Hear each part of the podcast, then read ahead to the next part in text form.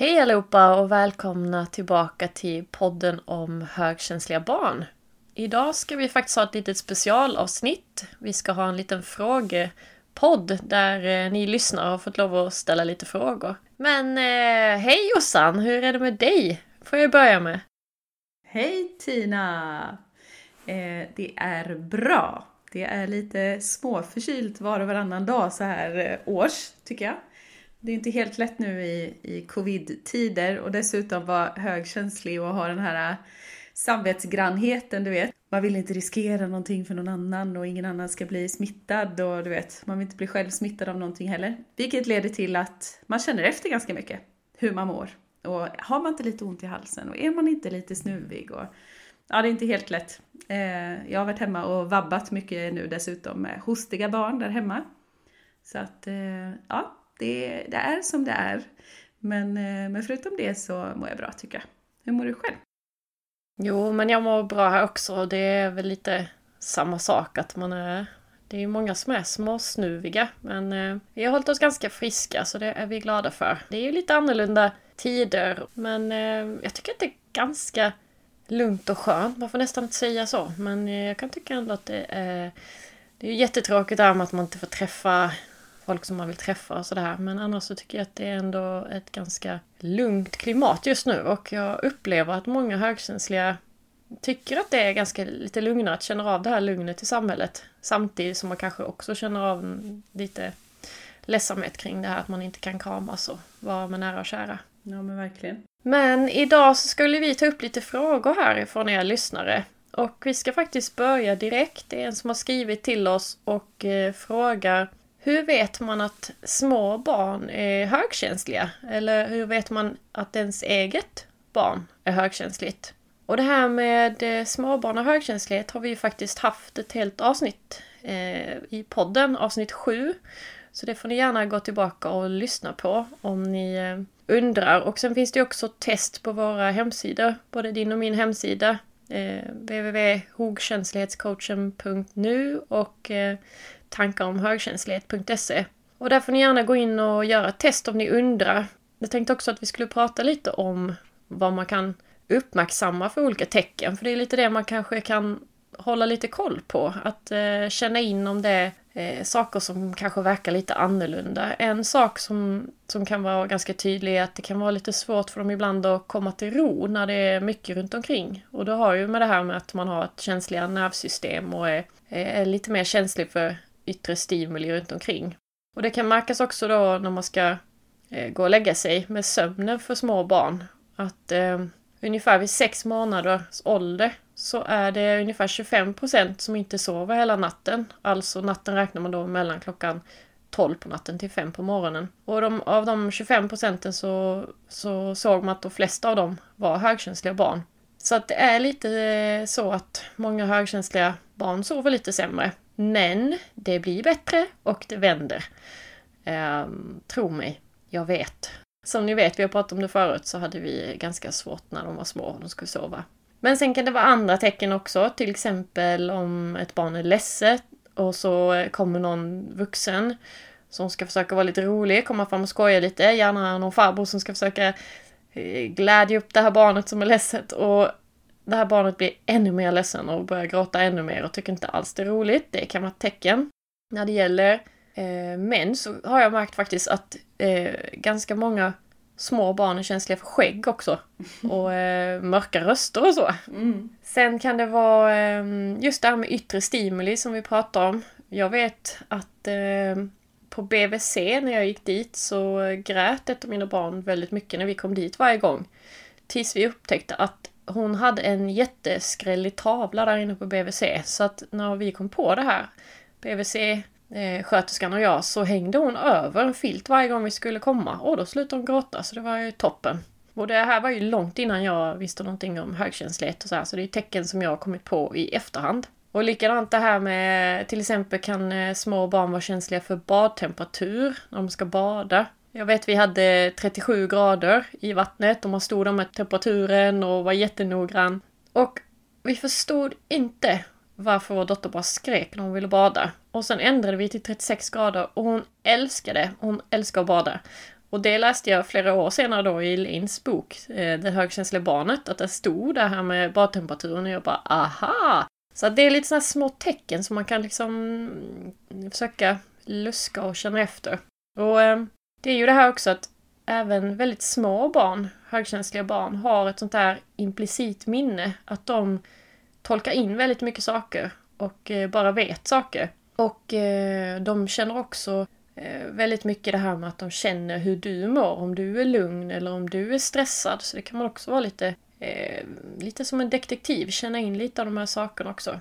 Sen många barn, högkänsliga barn, vill ju ofta observera till exempel om de har andra barn där så i leken vill de gärna observera först och eh, titta kanske hur leken går till eller ett spel funkar innan de ger sig in. Och det är just därför att skapa den här överblicken och tryggheten.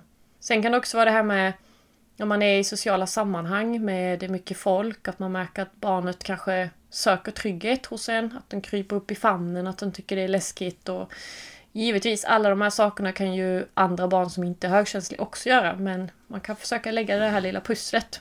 Och sen har vi det här med överstimulering som är ju en, eh, en stressreaktion hos eh, högkänsliga barn. Och det kan ju te sig på jättemånga olika sätt och det kommer vi in på i det här avsnittet också. Men det vi verkligen kan trycka på är ju att det är viktigt att lita på den egna känslan. Om det är så här att du känner att när man är hemma med, med småbarn, att man känner att ja, men det är ganska skönt att vara hemma och, och barnet också trivs med det så behöver man inte ge sig ut på alla de här aktiviteterna. Just nu i covid-19 tider så är det väl inte så mycket aktiviteter men annars så är det ofta en massa grejer som man ska göra och hinna med. Och det kan vara skönt att bara lita på sig själv att nej, vi har det ganska bra hemma, vi behöver inte göra saker utan om vill vi så gör vi det, annars så gör vi det som vi känner för. Och även det här som jag pratade om att sitta i knät, att låta även större barn få krypa upp i knät om de vill det. Det är där de söker trygghet och ehm, de kanske vill att du ska följa med in på toaletten om ni är hemma hos någon okänd eller någon som ni, de inte känner så bra. Och, och, att andra, för andra vuxna kan tycka på där att bara nej men nu är de så stora och de ska inte sitta i knät och ja, eller vad blyg du är eller vad som helst. Bara lita på dig själv att nej, ställ, stå upp för ditt barn och är barnet tryggt så eh, kommer det bli en trygg vuxen. Ett tryggt barn blir en trygg vuxen. Vi har också fått frågan vad överstimulering är för någonting. Och det är ju ett av de här fyra grundläggande dragen inom högkänsligheten. Så att det är ju en av de här sakerna som vi påverkas väldigt mycket av och som man också märker av då mycket hos eh, de högkänsliga barnen. Och överstimulering är ju då en kraftig stressreaktion alla kan drabbas av överstimulering, men vi som är högkänsliga gör det i större utsträckning och lättare än andra icke högkänsliga. Och det handlar ju helt enkelt om att vi har den här djupa bearbetningen, att vi behöver tid för att processa och låta saker och ting falla på plats. Eh, alla intryck, alla känslor, eh, alla stimulin, tankar. Allt som vi tar in behöver vi också tid för att processa. Och när man inte får tillräckligt med tid för det utan det blir lite korvstoppning i hjärnan så kommer också den här överstimuleringen. Och vi har ju haft ett helt avsnitt om överstimulering också, avsnitt 4 var det. Om man vill lyssna lite mer om det. Eh, olika tecken då på överstimulering, det kan vara till exempel hyperaktivitet. Det är bland annat ett av de grejerna som kan göra att högkänslighet ibland kan misstas för ADHD. Just den här hyperaktiviteten. Det kan också vara en svårighet att fokusera och koncentrera sig. Eh, känsloutbrott, raserianfall, tystnad och att man vänder sig inåt och sluter sig.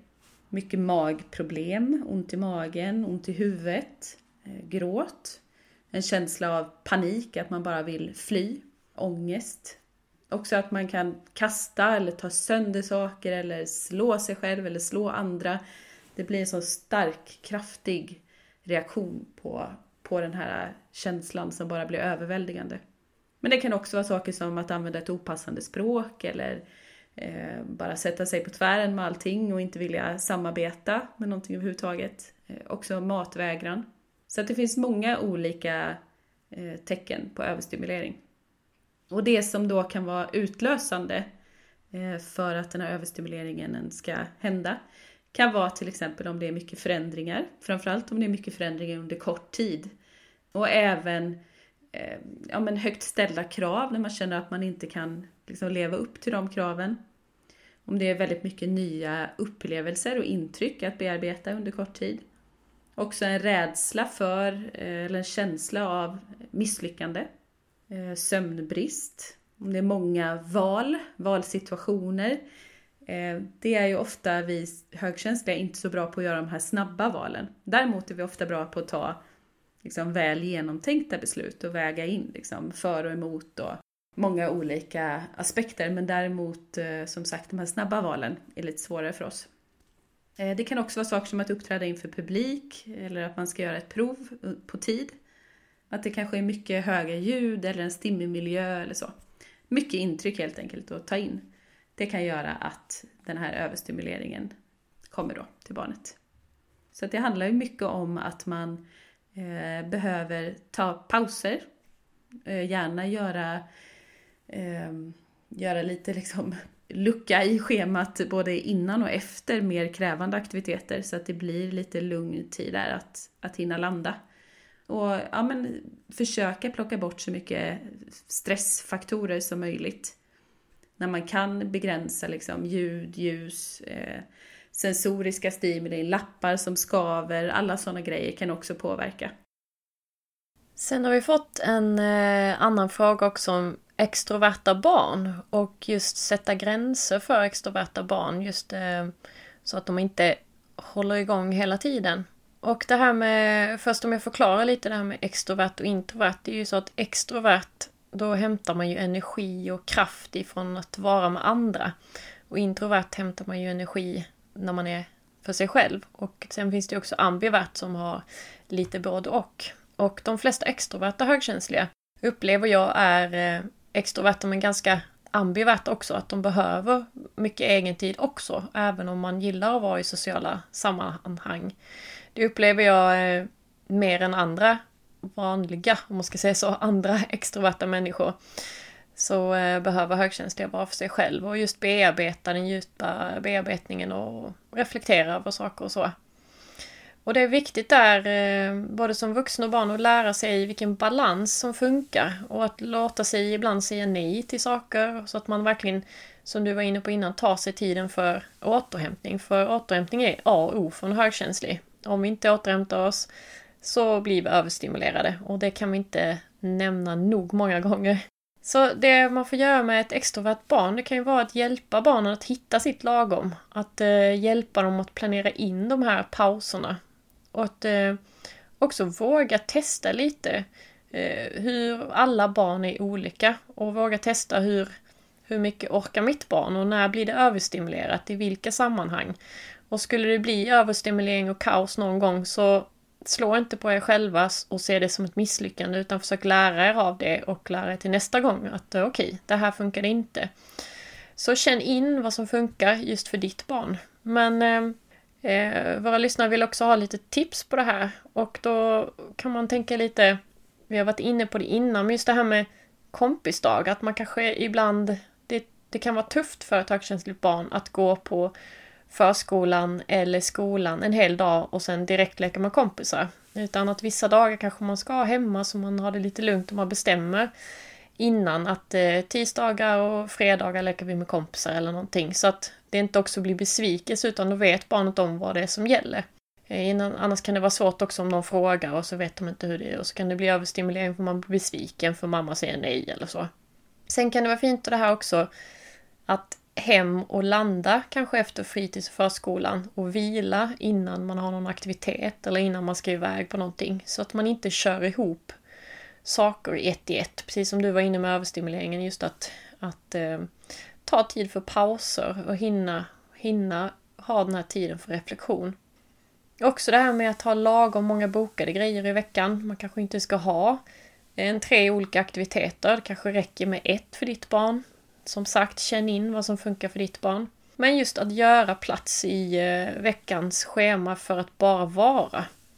Och sen också en grej då att inte göra flera aktiviteter i rad. Alltså har man kalas på eftermiddagen, eh, något barnkalas, så kanske man inte direkt ska iväg på middag hos några vänner samma dag, utan just det här med att landa emellan.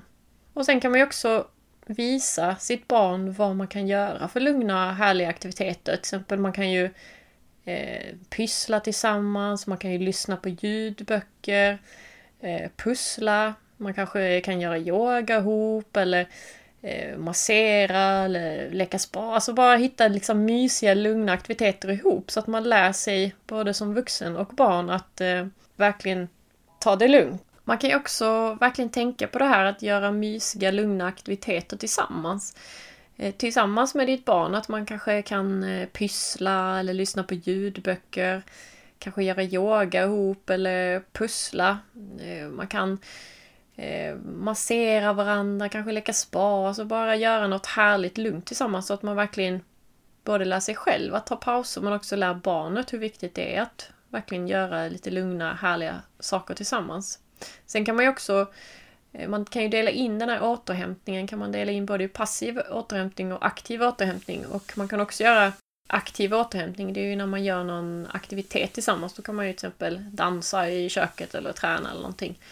Och den passiva återhämtningen är ju när man gör något lugnt, kanske yoga. Men eh, så det är bra att lära barnet redan från början, det här med hur man återhämtar sig. Sen har vi fått en fråga också om det här med provsituationer för högkänsliga barn och hur man kan stötta dem i det. Och det var ju lite som jag nämnde tidigare att just provsituationer och framförallt om det är under tidspress eller så kan också vara en sån eh, faktor för överstimulering. Eller en riskfaktor för överstimulering. Och gällande provsituationer då så är ju, alltså det här med förberedelse är ju A och O. Dels att det högkänsliga barnet känner att det har koll på läget inför provet känner sig trygg kunskapsmässigt med att eh, jag vet att jag kan det här och också känner sig trygg i situationen och i miljön där. Trygg med läraren och liksom, ja, ha en, en god känsla i sig själv. Men sen också det här med att ladda upp med bra sömn ordentligt inför provet, ha ätit ordentligt, kanske ha med sig något mellanmål jag vet vi har nämnt i något tidigare avsnitt att du hatar det här ljudet av när någon sitter och äter banan som mellanmål under prov. Så det kanske finns något annat alternativ. Men eh, i alla fall att man kan fylla på med lite energi så. Och sen också att man försöker minska onödiga distraktioner och stimuli. Till exempel att man ser till att barnet har på sig sköna kläder som de känner sig bekväma i. Inga lappar som skaver eller något strävt tyg eller material. Sen kanske man kan använda hörlurar för att skärma av ljuden. Eh, man kanske kan sätta upp någon sån här skärmvägg runt. Då tänker jag framförallt på det här med att inte se hela tiden när alla de andra eleverna blir färdiga. Att man blir stressad av det. Att säga, ja nu lämnar han och han och hon in sina prov, det är bara jag som sitter kvar här. Utan att man blir lite mer i sin egna bubbla så. Och undvika också det här med att eleven känner sig observerad, för det kan också vara en sån faktor för överstimulering. När man känner att någon sitter och stirrar på en hela tiden så är det ofta svårare att prestera och då kan det låsa sig. Så att de känner att, liksom, ja, men att de har sitt eget space där och kan få sitta och göra provet i lugn och ro. Eh, också minska stressmoment kring det här med tiden. Man kanske kan få lite extra tid på sig eller eh, ja, men på något sätt möjlighet i alla fall till att känna att så här, jag har lugn och ro och jag har gott om tid på mig och jag behöver inte stressa. För just det här med tidspress kan också vara väldigt överstimulerande. Att man känner att man inte hinner göra färdigt. Och sen tänker jag också att det är viktigt det här att man pratar om att sänka kraven och pressen kring provsituationer. Att det är inte hela världen om man misslyckas på ett prov eller eh, så. Ehm, för att många högkänsliga barn är väldigt högpresterande och ställer otroligt höga krav på sig själva och kan upplevas som att världen rasar samman om man inte får högsta poäng på ett prov. Så där behöver man ta ner det där lite och liksom lugna barnen med att det är inte hela världen om det inte blir så bra den här gången. Överhuvudtaget försöka avdramatisera det här med provsituationer som sagt, som jag var inne på att ett prov är ändå bara ett prov. Det kommer lösa sig ändå. Sen många, framförallt de som är introverta, högkänsliga, föredrar ju hellre skriftliga prov än de muntliga. Jag var till exempel en sån elev. Jag tyckte det var skönare att kunna visa vad jag kunde skriftligt. För jag hade oftast pluggat på väldigt, väldigt mycket inför prov och jag kände att jag hade liksom koll på kunskapen. Men det låste sig när jag skulle prata inför klassen. Och just det här med att hålla muntliga redovisningar är ju någonting som väldigt många tycker är jobbigt under skoltiden. Så att det är ju också viktigt att man tränar på det och även tidigt tänker jag. Alltså börja redan i förskolan och ha med någon sån här egen leksak på en leksaksdag som man kan få visa upp och berätta inför kompisarna. Eh, att det blir en, en avslappnad situation kring att prata inför andra så att det inte behöver bli en så stor sak. Det kanske också finns möjlighet att hålla muntliga redovisningar i mindre grupper. Man kanske inte behöver stå och prata inför hela klassen. Om man tycker att det är riktigt jobbigt kanske det finns möjlighet att man kan filma det på något sätt hemma eller om man håller det inför en kompis och att man kanske kan visa upp filmen i så fall inför klassen. Men att man kanske inte behöver stå där och prata i realtid inför alla. Och sen eh, slutligen så tycker jag också att det här med självmedkänsla är viktigt att trycka på. Alltså prata med barnet om att även om du lyckas sämre på det här idag så är du fortfarande okej, okay, precis som du är. Och att det är framför allt när man tycker att någonting är tufft eller jobbigt som man behöver stötta sig själv och vara sin egna bästa vän. Säga det till sig själv att det är inte konstigt att det här är jobbigt för mig för att det här är en ovan och ny situation. Eh, jag tycker inte om att prata inför andra så att det är inte konstigt att jag blir stressad av det här. Men det är okej. Okay. Alltså jag är bra ändå. Och det kommer lösa sig. Så att man, att man är snäll mot sig själv. Det är väldigt gulligt att du sitter och typ och kramar om dig själv när du säger det. jag tror jag ganska ofta lägger händerna på, på hjärtat eller på bröstet när jag pratar om det här med självmedkänsla. För för mig handlar det väldigt mycket om värmen, om tanken mot sig själv. Eller det är ju inte bara för mig, utan det är ju självmedkänsla baseras ju mycket på det. Omtanke om sig själv. Så att, eh, ja. Jag kan tänka mig att jag ofta sitter och pratar så, även i mina klientsamtal och pratar om det så ja, lägger jag händerna på hjärtat. Det är intressant för jag gör precis likadant också. Jag lägger händerna på kroppen så, så det var lite roligt. Det blir liksom förstärkande på något sätt. En annan eh, fråga som vi har fått in är eh, när man har ett barn som är hemma och är sjuk. Att man kan uppleva att eh, barnet kanske känner oroskänslor och rastlöshet eh, just när de inte mår bra. Och att det kan komma utbrott och också det här att barnet kanske vill vara nära men ändå inte har fysisk kontakt. Och där tänker jag också att det här, eh, man vet själv när man är sjuk, att det är någon slags olustkänsla i kroppen, att det känns väldigt mycket och att det kryper nästan i kroppen. Det känner ju vuxna också. Och det är ju så att högkänsliga upplever ju saker starkare i och med vårt känsligare nervsystem. Och då gör ju högkänsliga barn det också. Och just det här upplever väldigt starkt i kroppen när något är ur balans, när det inte är som det ska.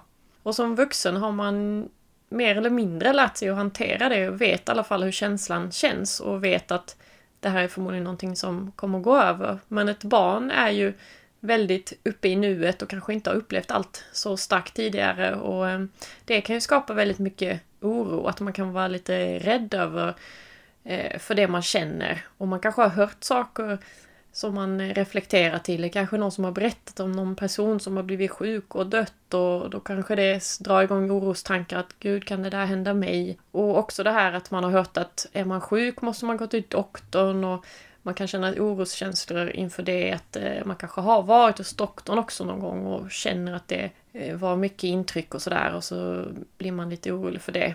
Och man kanske har pratat om stick i fingret och det är, det är väldigt mycket tankar som kan snurra hos det här eh, sjuka barnet.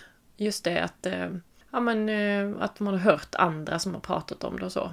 Sen kan det också vara så här att man kanske måste äta medicin som inte smakar gott eller man måste ta näsdroppar eller andra konstiga saker. Och det kan också skapa överstimulering och utbrott, att man absolut inte vill göra det och skapa en slags stressreaktion i kroppen. Oj, oj, oj vad vi har fått truga med det ibland kan jag säga. Med, medicin och sånt hemma. Ibland har vi suttit i typ en timme tror jag och försökt att ge så här flytande Ipren eller något. Så att eh, tålamod i stora doser behöver man ibland som förälder till ett högkänsligt barn som är sjukt. Jag kan eh, berätta en historia om eh, när min dotter var sjuk och hon var bara nio månader och eh, jag tror att det var öroninflammation så hon skulle ta penicillin och vi, eh, hon vägrade också ta den, det gick inte att få ner. Så då tänkte vi, då lägger vi den i hennes gröt och blandade ner den i gröten. Och hon kunde ju inte knappt prata. Hon kunde väl säga mamma kanske och så. Men när hon fick den här gröten och så tog hon första skeden och sen så puttade hon ifrån eh, tallriken och så sa hon Sin! Sin! och, och jag och min man tittade på varandra och sa Nej, sa hon medicin? Stenkoll. Stenkoll. Så där var det, det var inte lönt att försöka lura i henne någonting till slut. ja, så kan det vara. Men, eh, och sen det här med rastlöshet just när de är eh, sjuka. Det kan ju vara så att om man har varit sjuk någon dag, kanske varit väldigt sjuk, sen de, när man börjar bli bättre igen så kan barnet bli rastlös och det är ofta har att göra med uttråkning, att nu har de varit hemma och eh, de är helt enkelt understimulerade ofta.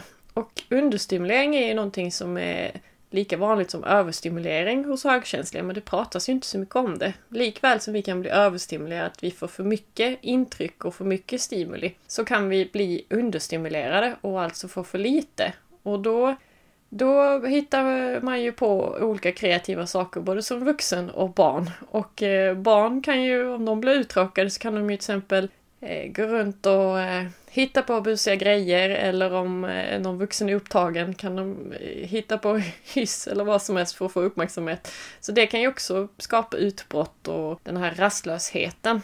Så det kan ju vara någonting att tänka på att man kanske eh, lite olika tips då kan ju vara att om eh, om barnet är rastlöst så kanske man kan göra någonting tillsammans och eh, ja men som vi var inne, att man kanske kan läsa eller pussla eller om barnet är tillräckligt friskt så kanske man kan gå ut en stund och eller göra någon mysig aktivitet ihop. Och eh, kanske som vuxen, just det här det är ju lätt att känna när man har varit mycket vabb och man känner att eh, man kanske blir stressad över det här med jobb och så, att just försöka släppa den stressen, för den känner ju barnet också av. Och barnet känner väl av när man försöker kanske smygjobba lite emellan. Eh, och eh, det kanske är då det som skapar den här uttråkigheten och rastlösheten och utbrotten. Och då kanske det är bättre att eh, känna att ja, nu blev dagen så här, jag fick vabba idag, nu försöker jag släppa den stressen och så tar vi tillvara på den här stunden vi har ihop istället. Det här med oron som barnet känner inför det här med att vara sjuk så kan man ju försöka lugna barnet och verkligen prata med barnet och fråga hur de tänker och hur de känner. Ofta är det ju det att de kanske vill bli lyssnade på. Att de, eh, man kan också få lov att ge dem det här lite att de kanske vill vara lite ynkliga och stackars mig ibland när man har slagit sig eller man är sjuk eller ont i halsen eller någonting. Och det behöver ju kanske alla ibland att man får vara lite ynklig och man sitter och lyssnar och pysslar om och så.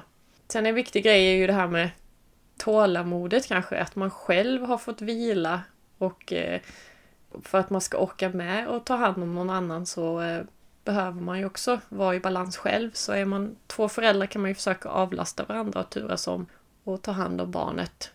Och likadant det här då när det kommer utbrott och sådana saker, just det här att försöka behålla lugnet och tänka på vad det är barnet behöver just nu om det blir mycket utbrott. Går man in i den själv så det händer ju, men då vet man vad som händer också. Att det skapar ju oftast eh, bara jobbiga känslor hos båda. Men, eh, och sen också det här närhet, att de kanske inte vill ha närhet, fysisk närhet, men de kanske vill att man ändå sitter bredvid så att man visar att, att man är nära fast man eh, håller fysisk distans om de nu känner. Ibland så är det ju så att om man har lite så här eh, sjukkänslor eller influensakänslor så kan man vara extra ömtålig på huden och sånt och extra känslig för beröring. Men man kanske ändå vill ha någon som bara sitter där mitt emot en och läser bok bredvid eller pysslar med någonting bredvid en så man vet att den vuxna är där i alla fall. Jag tänkte också på det här när du sa att det är viktigt som eh, vuxen också att ladda sina batterier när man är hemma med ett sjukt barn. Eh, när du och jag skulle prata ihop oss lite inför det här avsnittet häromdagen så var jag ju hemma och vabbade med mitt ena barn. Och så när vi började prata så, så sa jag att ja, jag har precis legat och halvslumrat här på soffan i två timmar. Ja, men, jaha, sa du, men hur mår du då? Är det, var det inte ditt barn som var hemma och var sjuk? Jo, men jag kände mig också lite småkrasslig och jag behövde sova lite så jag passade på. Så att eh, mina barn tycker nog ungefär att jag är världens tråkigaste person att vara hemma med när man är sjuk för att jag eh, jag passar på liksom, vila rätt mycket och så här, ja men eh, kan barnet lyssna på lite ljudbok och då kan jag ligga och vila lite och så gör vi någon aktivitet ihop och går ut med hunden och så. Sen kan vi vila lite igen och ja. Så att, ja, men eh, det funkar till en gräns. Och det är ju en tröst till de som har lite yngre barn att vara just nu, att det blir ju lättare som du säger att helt plötsligt när de är lite större så kan man faktiskt få en möjlighet att ta det lite lugnt själv också emellanåt. Det är ju lättare. Verkligen. Mm. Och mina barn köper det faktiskt rätt bra också. Att så här, okej, okay, nu ska mamma ligga och vila lite. Det kanske kommer sig lite också efter den här perioden när jag var utmattad och så. Jag behövde vila väldigt, väldigt mycket. Så att de är liksom lite invanda på något sätt med att ibland behöver jag vila och bara ladda mina batterier. Vad bra att lära dem tidigt det också, att det är okej okay att gå undan och vila en stund, tycker jag. Ja men faktiskt. Även om det inte behöver gå så långt som till utmattning så är det ändå bra att, att de också ser, tycker jag, att även vi som vuxna faktiskt kan välja återhämtning och att man inte behöver vara överallt och vara med på allting, utan det är okej faktiskt att bara ligga och vila med. Och att det inte är något fult att lägga sig och vila en stund och att det inte är ett tecken på lathet utan det är ett tecken på att man tar hand om sig själv. Att det är viktigt att lära barnen. Mm, jag håller med. En annan fråga som vi har fått är eh, Jag undrar om tics är vanligt hos högkänsliga barn? Vår sexåring gör ett grymtande ljud varannan sekund när han är överstimulerad. Och med tics menas ju då ofrivilliga och eh, plötsliga ofta snabba återkommande rörelser eller röstläten som är svåra eller ibland nästintill omöjliga att hålla tillbaka. Och exempel på tics kan vara blinkningar eller kasta med huvudet eller grymtningar eller fnysningar eller att man du vet så, hostar till. Och de brukar ofta uppkomma någonstans i 4 till 6 års åldern. Eh, men kan givetvis också uppkomma både tidigare och senare. Och ticsen brukar oftast gå över inom ett år. Och det är ungefär två till fem barn i en klass som beräknas ha eller ha haft tics under någon period. Och om man är stressad eller spänd så kan ticsen förvärras och bli mer intensiva. Och likadant också vid avslappning eller när man varvar ner inför att gå och lägga sig till exempel på kvällen så kan också ticsen bli intensivare just där och då. Och tics som då inte går över eh, inom ett år kan vara symptom på att barnet istället har så kallat Tourettes syndrom. Och många som har Tourettes syndrom har också andra svårigheter eller diagnoser eh, som till exempel ADHD-problematik eller OCD, tvångssyndrom, som jag hade då när jag var liten. Vi vill ju också betona det att alltså, vi är ju inte på något sätt eh, psykiatriker eller psykologer eller eh, på det sättet specialister inom det här området utan det är ju högkänslighet som vi är specialister på. Men vi har ju plockat upp det vi har hört och från personer vi har träffat och vi har läst på och så, så att vi ändå har en grundförståelse för det. Och gällande om tics då är vanligt hos högkänsliga barn så är vi lite osäkra. Det finns ingenting som tydligt tyder på det. Samtidigt så vet vi att högkänsliga barn är känsligare för stress och överstimulering och att tics ofta uppkommer just under stress. Som högkänslig så har man ofta också lägre nivåer av signalsubstansen serotonin som är väldigt viktig för att vi ska känna välbefinnande och ha en god självkänsla. Eh, och har man då brist på serotonin så kan man inom forskning koppla det till en rad olika psykiska besvär som till exempel OCD eller depression eller ångest. Och jag vet inte, det kan ju hända att det finns något samband också med det här med serotoninbrist och tics. Jag har ingen aning, men eh, man börjar ju fundera lite när man läser de här grejerna. Och vi har ju kommit i kontakt med eh, barn som har tics och är högkänsliga. Så att något form av samband kanske det finns. Serotoninbrist kan också leda till att man har en krypande olustkänsla. Man kan få nervryckningar vid ögat till exempel. Man kan få svårt att stå emot impulser eller svårighet att bli klar med uppgifter. Eh, och också svårt att komma ner i avslappning. Och det finns ju såklart då olika sätt som man kan höja serotoninnivåerna på. Till exempel är det ju alltså rörelse, motion, träning, att vistas eh, utomhus i solen, att man äter en, en bra varierad kost, att man sover ordentligt och att man försöker minska på stressen. Jag har en kompis som eh, fick diagnosen Tourettes eh, och även ADHD jag tror eh, att det var så att när hon fick ADHD-diagnosen så sa de att hon var precis ett gränsfall. Hade det varit någon annan läkare eller psykiatriker eller vem det nu är som sätter den här diagnosen så var det inte säkert att hon skulle fått diagnosen, fick hon höra. Men hon liksom tickade i alla boxar fast ganska mm, så milt. Så hon är ju lite sådär, känner igen sig lite i högkänsligheten men vet inte riktigt vad som är vad. Eh, men hon fick ju tics och sånt i lågstadieåldern också eh, och hade även tvångsinslag, eh, en del fobier också. Och hon bekräftar det, precis som jag berättat här, att det går i princip inte att stå emot ticsen. Det är en så stark impuls. Och att det blir värre av stress. Och hon har ju gått i eh, KBT-behandling för det här. Hon har fått lära sig att lyssna på olika avslappningsband, göra kroppsskanning till exempel. Eh, och sen också att de fick göra någon sån här mottics på något sätt. Alltså ett, ett tics som man brukade göra fick man avleda och byta ut med att göra någonting annat istället. Eh, hennes tics har nästintill vuxit bort med åren. Hon är ju vuxen nu också. Men det kan fortfarande förekomma i liksom små, eh, små tics då och då. Framförallt då om hon stressar mycket eller sådär. Och för henne är det viktigaste det här med att ha en stabil vardag. Alltså ha ordning på rutiner, sova ordentligt, äta ordentligt, inte stressa så mycket. Eh, utan försöka ha liksom en, en stabil grund att stå på. Och hennes tips då, för jag frågade henne vad hon, vad hon har för tips gällande det här. Och det är dels det här med att man kanske har något fritidsintresse som man lägger mycket fokus på. Alltså att, att det är lätt då att när man fokuserar på det så kanske man inte fokuserar så mycket på ticsen, att det kan komma av sig lite. Och sen också att man såklart försöker minska på stress i vardagen. Man kanske gör någon typ av träning i medveten närvaro. Någonting där man bara fokuserar på här och nu, fast helt utan prestation eller att jämföra sig med andra. Hon berättade att för henne är det absolut bästa när hon kopplar bort liksom alla tankar och allt annat. Det är när hon håller på och grejar i sitt trädgårdsland, hon sa kolonilott. Då är hon bara liksom här och nu det som man då kan tänka på som förälder eller närstående till någon som har tics är att man försöker att inte reagera så mycket på det, eller påpeka det så mycket, för att det riskerar annars att bli värre. Och att man också kommer ihåg att det här med ticsen är ingenting som den här personen eller barnet gör medvetet för att provocera eller så. Utan det är helt enkelt ofrivilliga tics. Och att de flesta då går över med tiden. Som jag sa förut så har jag ju haft problem med tvångstankar och tvångshandlingar under min uppväxt. Det kom ju i tioårsåldern ungefär. Och det som jag tänker tillbaka på nu, för det är klart att min familj tyckte det var jättesvårt att veta hur de skulle bemöta det här med tvångshandlingarna och tvångstankarna. Och hur de kunde hjälpa mig. Och jag sökte ju ofta försäkran från dem. För för mig handlade det jättemycket om en oro för att någonting skulle hända, att någon skulle bli sjuk, att något jag skulle göra kunde påverkas, att något hemskt skulle hända eller någon person skulle dö eller om jag inte gjorde en viss tvångshandling så kunde det här och det här hemska hända.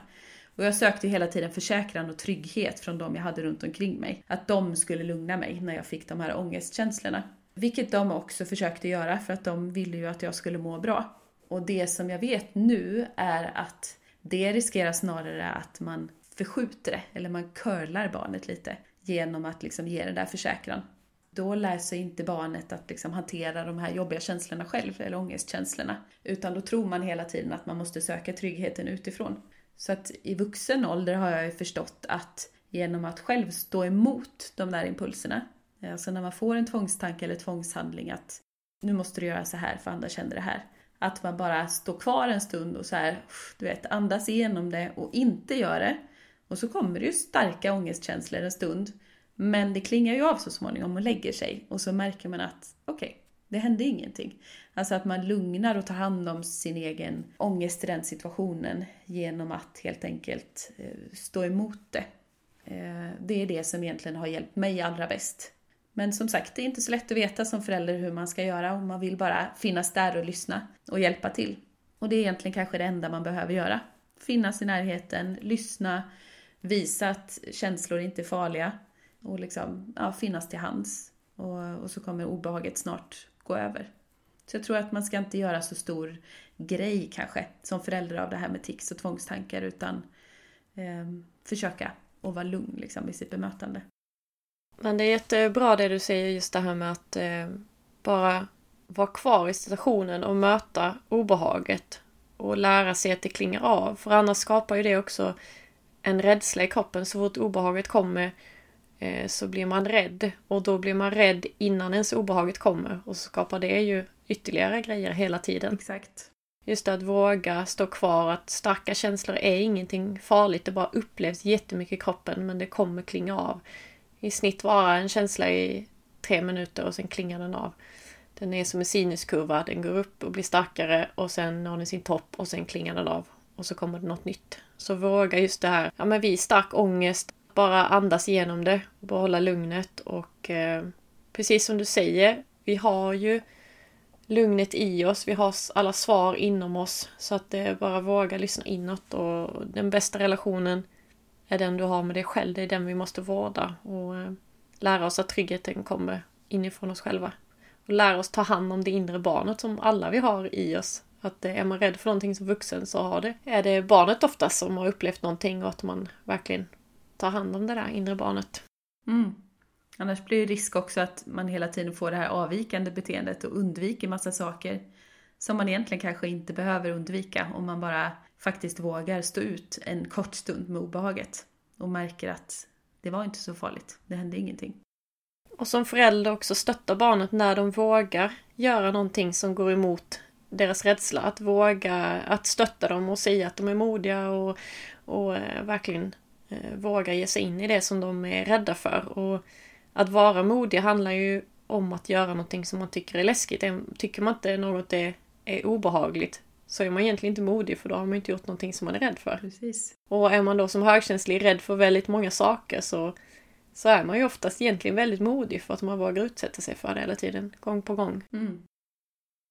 Vi har fått in en annan fråga också och den handlar om relationer och högkänslighet. Just det här med både mellan vuxna, alltså om eh, för och nackdelar med att vara högkänsliga båda två i en relation. Men också det här med föräldraskap, om en eh, förälder är högkänslig eller inte till ett högkänsligt barn. Och eh, det här är ju så att vissa föredrar det ena och vissa föredrar andra. Det här med i vuxna relationer syftar jag nu på. Och om vi börjar med de vuxna relationerna så kan man säga att det finns olika fördelar och nackdelar. Och det här med att vara två högkänsliga tillsammans i en relation. Där är det ju ofta så att många upplever då att man har en större förståelse för varandra. Att eh, man båda har starkare känslor och starkare känslosvängningar och eh, att man båda kanske kan uppleva överstimulering. Men då förstår man också om den andra har fått för mycket eller, eller är överstimulerad.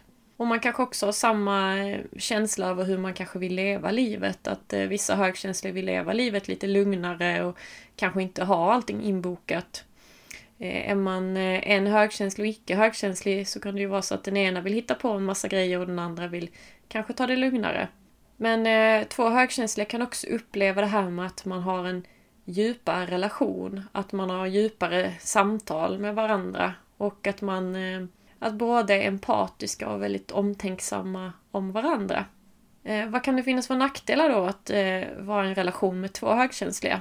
Jo, det som man eh, har sett är då att det kanske är så att båda då behöver mycket återhämtning och egen tid.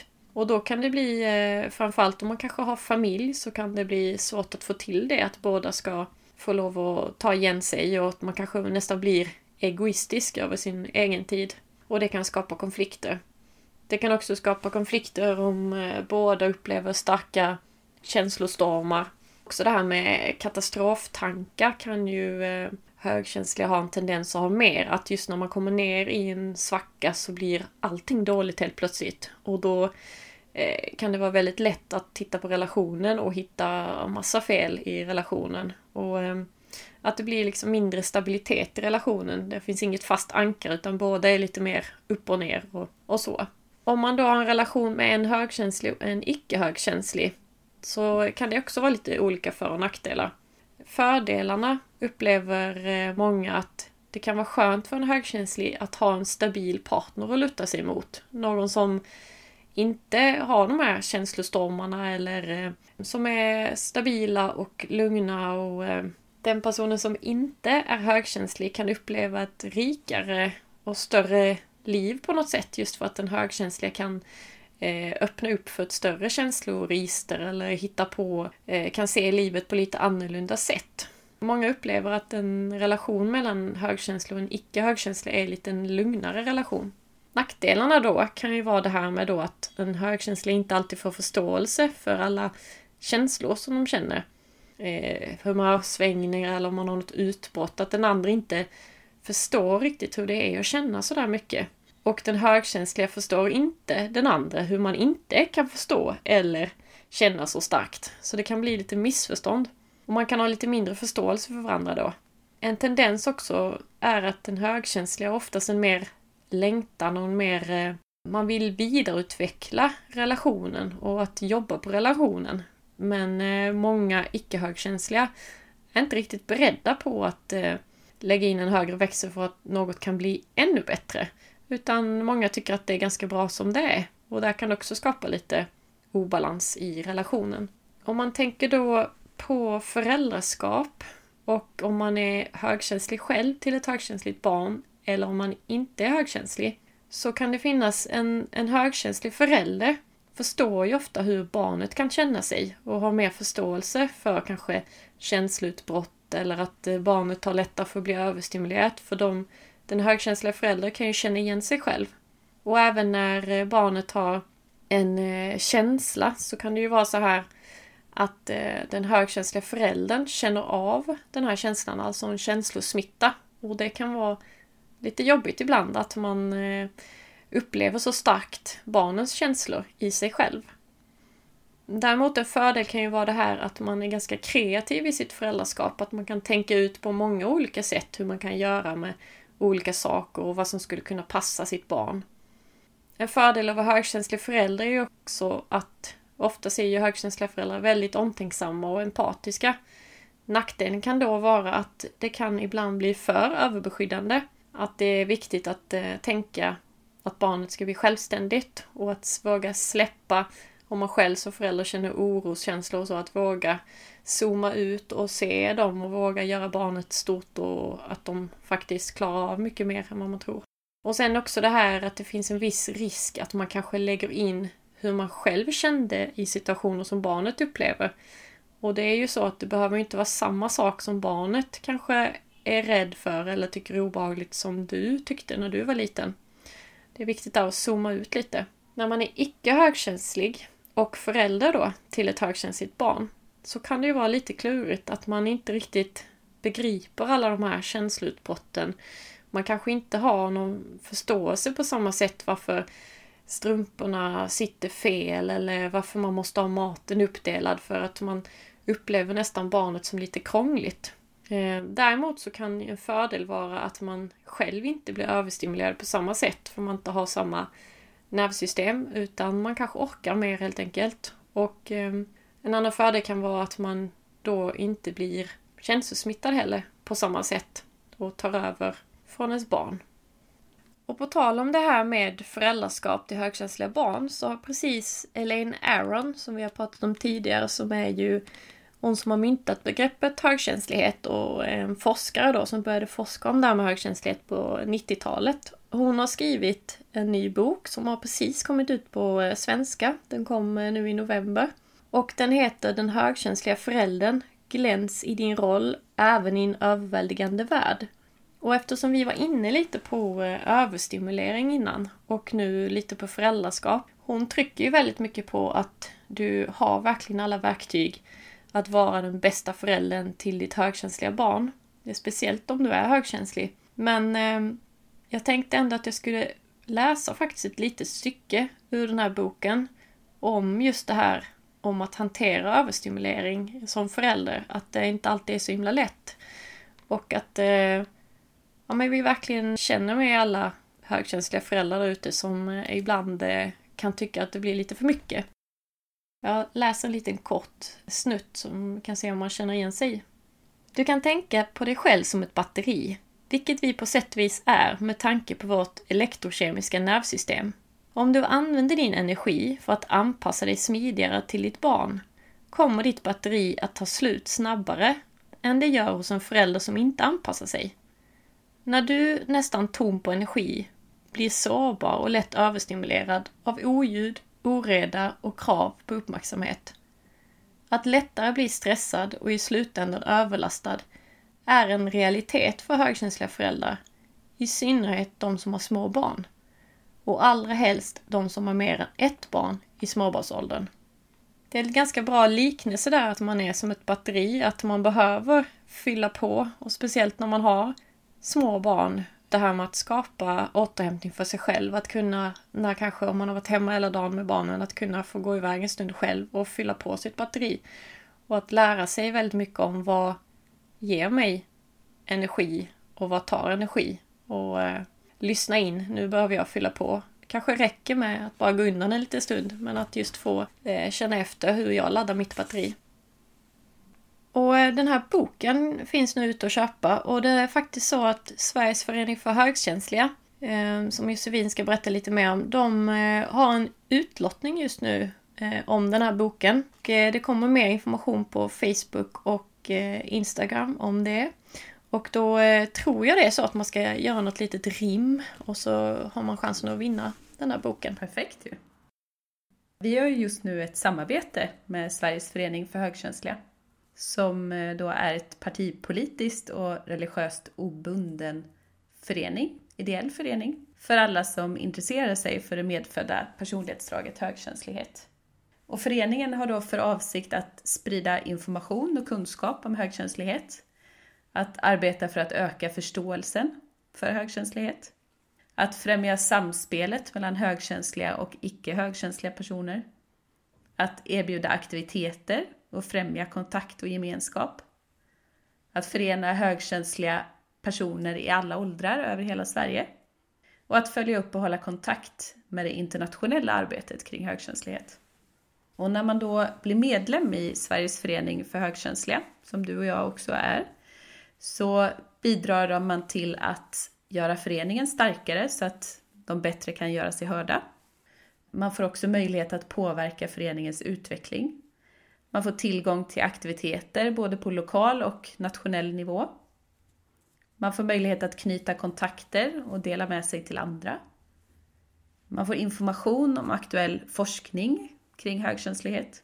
Man får nyhetsbrev med information om aktiviteter, forskning, lästips och annat. Och man får också rabatt på tjänster och erbjudanden för högkänsliga. Så att det är inte så mycket att fundera på, tycker vi. För att jag tror att de flesta av oss som är högkänsliga vill ju att det ska spridas mer kunskap om högkänslighet i samhället. Så att det ska finnas fler som har förståelse för vad det innebär att vara högkänslig.